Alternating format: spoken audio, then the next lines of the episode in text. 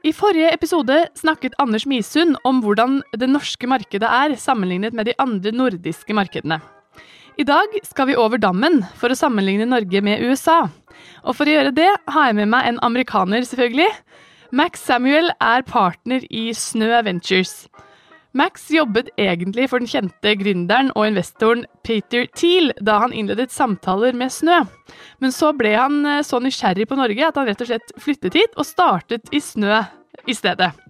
Velkommen til en ny episode av Unotert.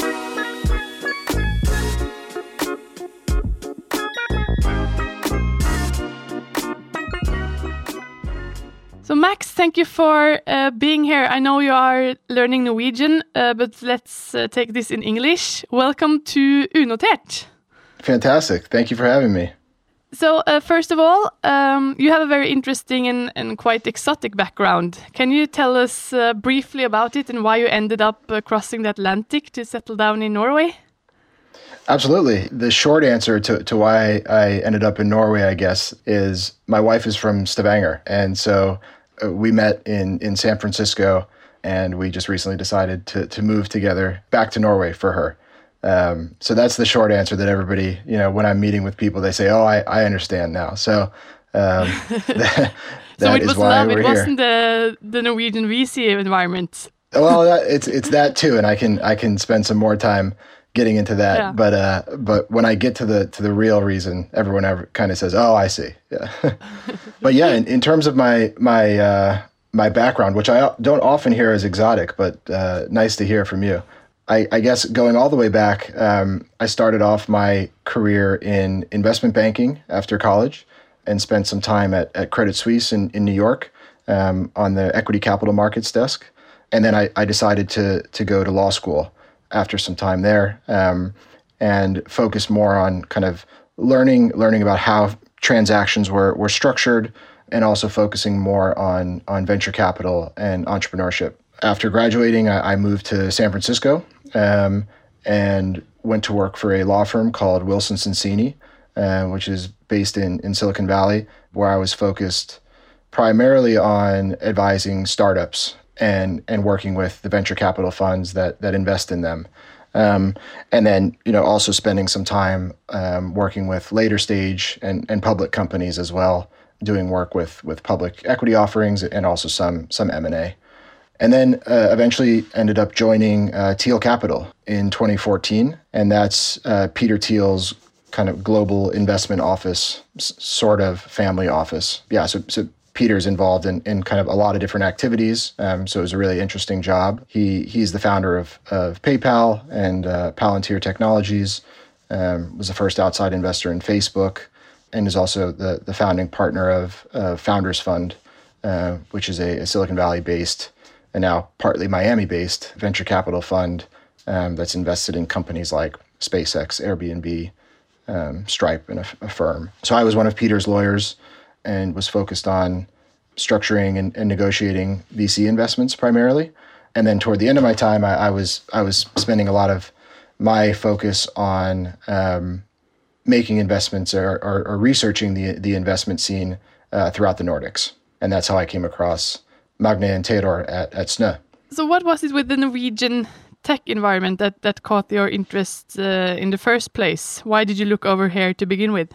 Yeah, so I guess th- this goes back to a combination of uh, the the personal reasons of me having spent a lot of time here over over the holidays uh, with with my wife and her family, but but I think also you know one of the one of the things that we really focused on at Thiel Capital was was sort of finding very interesting non-obvious investment opportunities, um, and, and we had an overall thesis that the the major tech hubs throughout the world and, and, and the major tech hubs, primarily throughout the US, were becoming somewhat oversaturated and, and overvalued. So we were always looking for kind of new, interesting places and opportunities. And, and spending a lot of time here in Norway, I, I was finding that there were some really interesting uh, features and, and aspects to the Norwegian ecosystem. And, and so that's things that, that I'm sure you know you've touched on with, with others maybe um, and, and and things that are written about a lot and, and that's kind of the incredible government support here toward toward the entrepreneurial ecosystem, the strong entrepreneurial spirit. The the, the customer base here in Norway is is very digitally savvy. Um, and, and there's strong digital penetration throughout the consumer culture. There's great technical talent here in Norway coming out of fantastic universities.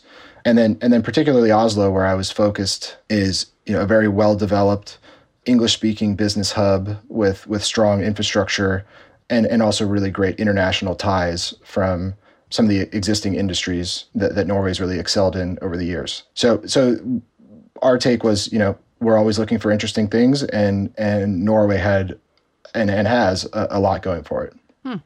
That's really good to hear. Um, so now we touched in on some of the uh, things defining the Norwegian industry, but can you draw some uh, more comparing lines between the the VC industry in the US and the industry in Norway? Yeah, I think I think like where uh, are the biggest uh, the biggest differences? I, I think I think the the biggest differences in my mind come from from the sort of level of maturity of the ecosystems. The U.S. Uh, the, the sort of venture capital ecosystem is extremely mature. It's been around uh, uh, for, for, for a long time and it's enormous. In Norway, it's sort of still evolving, still in maybe its earlier stages, um, and, and, it's still kind of coming into its own a bit. And so, you know, what does that mean in terms of how the industries are shaped differently? I think, I think in the U.S., because of the size of the industry and the maturity of the industry, it's very specialized. So you have, you know, lawyers, you, you have you know you have your legal practices, your investment strategies, your regulation that's all built specifically around venture capital. Um, whereas I think Norway is still kind of evolving its its specialization within uh, venture capital and, and, still often borrows from some of the industries where Norway has fantastic strength um, traditionally, and that's you know maybe M and A and and more later stage buyout private equity. So I think you see slightly less specialization here and also I think there's there's a bit less standardization within venture capital, and, and, that means that some of the market terms around you know what what is it what is the market term for a venture capital fund and what are the market terms for a venture capital investment, those are still evolving, and so you know what does that do? Some sometimes that means that deals are a bit slower because people need to agree on on what kind of the standard terms should be.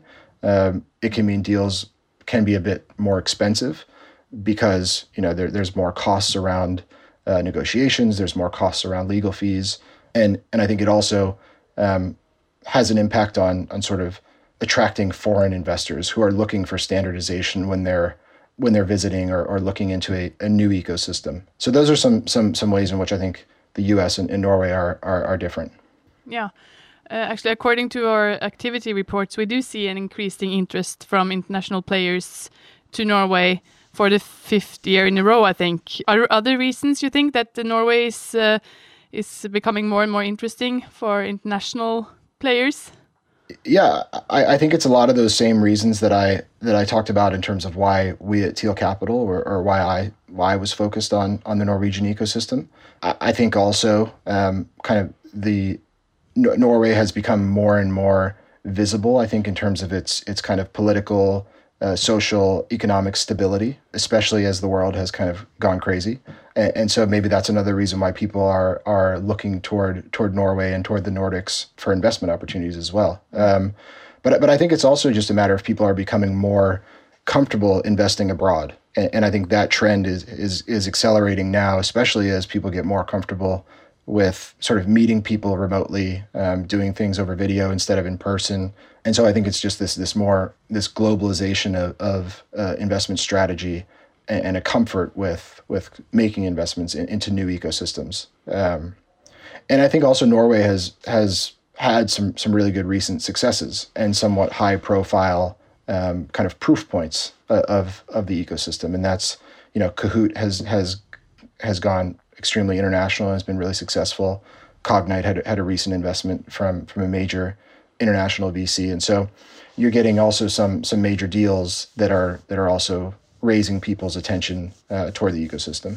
Now you you have mentioned a lot of structural differences, uh, and then at the end there you mentioned some cases. But are there anything, as you see, that we are particularly uh, good at in Norway that gives us uh, sort of a competitive edge compared to the US or to other markets?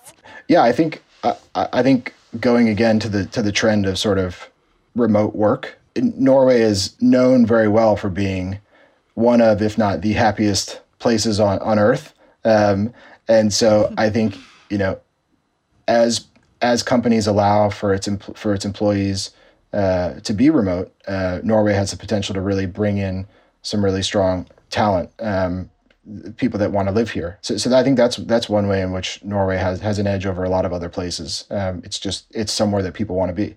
I, I think also um, kind of maybe more technically, Norway has some, some really strong industry expertise in in some relatively undisrupted global industries um, like like shipping, aquaculture, uh, other ocean technology, and so there there's some really good opportunities there for Norway to leverage its its historical expertise and then match that with you know technical um, or technological innovation to come up with some really cool ideas and, and, and companies. And I think Nor- Norway also in this probably goes to to you know part of the reason why Norway is is one of the happiest places, uh, or has the the happiest citizens, I guess.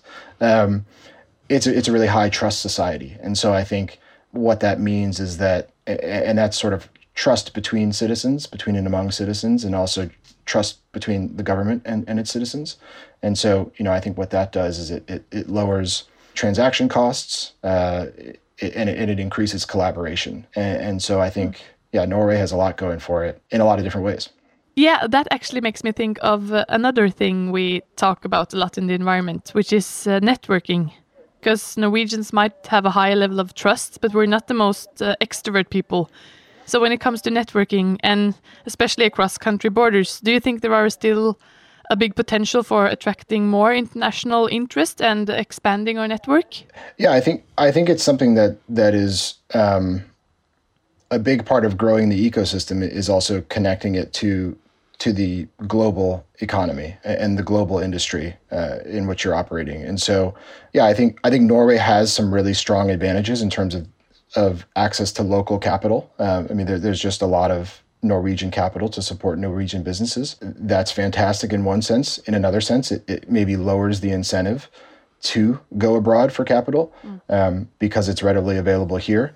But I, but I, yeah, I, I kind of agree with the, I think the message that you're that you're sending, it, it is really important um, to continue to establish international connections from a funding perspective, um, but also from a sort of a growth perspective for, for companies. Because you know, if, if a company is going to become a, a global powerhouse, it needs to step outside of, of Norway in terms of the markets that it's serving pretty quickly. And so, so I think, yeah, I think establishing really good international connections is is very important. Yeah. On that note, uh, have you seen any big differences in how we expand our network or how we establish international relations here compared to how they do it in the U.S.? It's a different it's a different uh, exercise, I think. Coming from from Norway, um, which again is is a bit of a smaller market, having a broad international network and platform is is critical. Um, and and I think that's that means expansion into into the U.S. and and, and abroad, but also it's it's a matter of unifying the Nordics because uh, there's sort of a lot of value in in bringing together these different ecosystems across Norway, Sweden, Denmark, Finland, Iceland. The U.S. is slightly different, I think, because you know it's an enormous market um, and it's an unfragmented, for the most part, market, and so there's less of a critical need from from the start for to, to establish international expansion. Um, you know, you, you, can serve the U.S. market and just the U.S. market and have an enormously successful company. So it's a slightly different formula, I think, in terms of companies coming from from the U.S. and and uh, from Silicon Valley versus companies coming from from Norway. You mentioned the access to capital earlier on. How is uh, is that in the U.S. compared to Norway? For for um, kind of larger institutions and and, and family offices, um, which you know do invest in, in venture capital here in Norway, it, it's still a lower percentage of their portfolio allocation is, is in venture capital compared to, to the US, I've found. It's a bit more allocated to traditional public equities. Uh, and, and, when it does come to the you know alternative asset space, there's a lot more focus on uh, later stage PE and real estate. So I think in terms of portfolio allocation, it's it's probably slightly less here in Norway. But again, there there's you know there there's a good amount of capital here in Norway. So so there is a lot of strong local capital. And then in terms of kind of, you know, venture focused capital, so that's venture funds, we've found that there's there's incredible support kind of at the incubator level and then also at the at the very early stage and and through angel networks, but there's just not quite the necessary amount of capital at the kind of series A plus level here within Norway. And you've traditionally had, you know, some funds that have touched on on, on sort of that stage, but are now those funds are are sort of um, growing into to pan European, pan global funds, and so they're, they're, again now kind of losing focus on, on, the Nordics. So that that's kind of how how we've seen the the overall landscape of the um, of access to capital at the venture stage. But there's also it's also interesting um, the involvement of investment banks in the venture fundraising process is is very different here, I think, than than I've found in the U.S. It, it seems as though they're they're much more involved here uh, in terms of uh, assisting in, in raising capital, and, and, then there's also kind of companies are are looking to access the public markets here quite a bit earlier than than in the U.S. through Euronext growth. So that that's another way um, that it's it's a bit different. Uh, is that an advantage? You think that we have uh, Euronext growth and other ways to do early exits? I, th- I think it can be. I think if if a company is ready to take on the public markets, then then it's a fantastic option for for providing its employees with liquidity, providing its investors with with a good return, and a, and and again, kind of an exit. At the same time, I think it's also you know as a founder you have to be careful to to avoid the the temptation of the public markets until the time is right. There's there's a lot of value I think in in remaining private and and having kind of you know close a, a close small number of, of shareholders who who actively support your your company and also actively support your company as you're still figuring things out. I think to expose yourself to the public markets too early is a risk, um, especially for a startup that is still working out, you know, some of the details of, of, of their business um, and, and, still may go through some some ups and downs in terms of value generation. So I, I think I think it can be both. 10 years ago, we, we more often heard about uh, founders moving out of Norway to build their companies. Now, the last five, seven years, we've had a, had a startup boom in Norway. And you mentioned some of the big companies earlier in the episode. Do you think the Norwegian ecosystem, as you see it now, is is mature enough to host the establishment of new big companies founded and built in Norway? Yeah, absolutely. I, th- I think it's ready for it. Um, I think you know, going back maybe to what I was saying about about Euronext growth, I think in order for sort of the, a, a, big private unicorn to be built, um, there need to be some role models. I think that, that kind of establish that pattern um, and, and, are and are kind of remain private for the right amount of time to, to become a, a, a, unicorn. And then once that happens, I think you then kind of incentivize other founders to, to follow a similar model then then you're able to to establish a, little bit more of, of, a presence and and attract more international capital to, to these companies and also international talent. But I think yeah, absolutely, Norway is ready for uh, for more unicorns. That's good to hear. That's good news. What kind of trends do you see in the U.S. or in other markets that hasn't hit Norway yet? I think um, because because Norway is self sustaining. I think somewhat as a, as a venture ecosystem, it's it's somewhat protected from from a bit of these hype cycles that are that are going on throughout the world. One big trend that that I've seen recently in the U.S. is is this uh, trend of SPACs. And, and that's been a, huge focus in the U.S. and and that just hasn't hit hit Norway at all, and it's and it's also barely touched Europe. And and, and I think maybe that's because you know there there's just a different regulatory structure here in Norway, and and also you know what that's really meant to do is is give people access to to the public markets, and and Norwegian companies are finding a different way to do that through Euronext growth. But in terms of trends, I've, I've actually think Norway's been ahead of the curve on on a few trends that are now just picking up throughout the world, and, and a big focus for Norway for for a while now has been sustainability, which which I think Norway is really excelling at, and it is has been less of a focus, I think, in the U.S., but is now really kind of getting the right amount of attention in the U.S. Speaking of other markets, because you you obviously know the American and Norwegian markets uh, very well, but do you see something else interesting happening outside of the US or Norway that you think we should uh, know about? or any mega trends? No, I, well, I think there are some really interesting um, developments um, kind of throughout throughout the venture industry. Um, something that, that we've been really looking at from Snø is is kind of social integration into the, the digital world. Kind of how, how do you replicate as things become more and more digital and people step outside of kind of physical interaction? How do you replicate some of the, the social activity that takes place in the real world, um, but in, in a digital space? Um, and I think there are some companies that are that are doing a really good job you know, in an obvious way, sort of in terms of conferencing solutions and and video meeting technology, but but also in a more subtle way around kind of socialization of, of fitness and, and socialization of uh, shopping, for example, and and um, yeah, those those are some things that that we've that we're tracking kind of on a global perspective that that I've seen so, some of for sure in, in, in Norway, um, but I think we'd want to see see more of. Okay, cool. We only have time for one last question, Max. Time is, is uh, running out. But your colleague Magne has described you as a, a very future minded guy, thinking of uh, the big perspectives.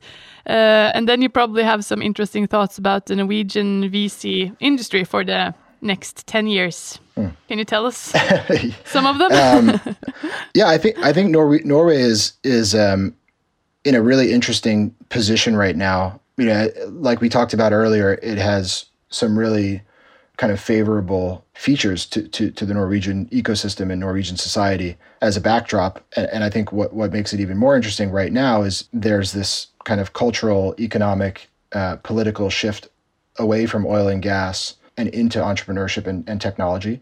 And so you're seeing a lot of the the really strong talent and ideas that were that were traditionally going into those other industries now really focused on on building um, new things. And at the same time, you, you don't have um, these kind of major dominating tech companies, you know, like a Google or a Facebook that that are here in Norway to suck up all the talent. And so what, what you have is is kind of a huge proliferation of, of ideas and talent into the ecosystem kind of with with nowhere specific to go. So i think it's really exciting what those what those people end up doing. So yeah i, I think the future of norway is really bright and, and really exciting. I, I, still think there are there are some challenges to overcome. And i think one one thing that we're again really specifically focused on is is uniting norway with with the rest of the nordics. But but i think yeah the the future of norway is is really bright. That was some really nice uh, final words i think. Um, Actually, our time is up. I'm just gonna sum it up uh, quickly what you've said the last uh, 25 minutes. You've told us about some differences between the Norwegian and the American markets, and you've mentioned that Norway are ahead of the curve on a couple of uh, trends like sustainability, and that we have some favorable features to the Norwegian ecosystem and society, like how we see a shift from oil and gas to other industries. Uh, you also said that we probably have some advantages being a new industry, like the fact that we still have a pool of talents and young professionals that might prefer to work in startups instead of huge international established companies in the future. And you also mentioned the governmental support and the access to capital advantages, uh, even though a high flow of capital in Norway might reduce the reasons to go abroad. Max also thinks that the future looks uh, bright for the Norwegian VC industry, and I'm glad to hear, especially since he chose to move here and give up the US, even though that we know now that a girl was the real reason for uh, that choice. It was great to have, have you here, Max. Thank you so much for joining. Thank you for having me. This was fun. I neste episode har vi med oss Kine Burøy Olsen, som skal fortelle oss om Ola Nordmann kan investere i private equity. Det blir spennende. På gjenhør.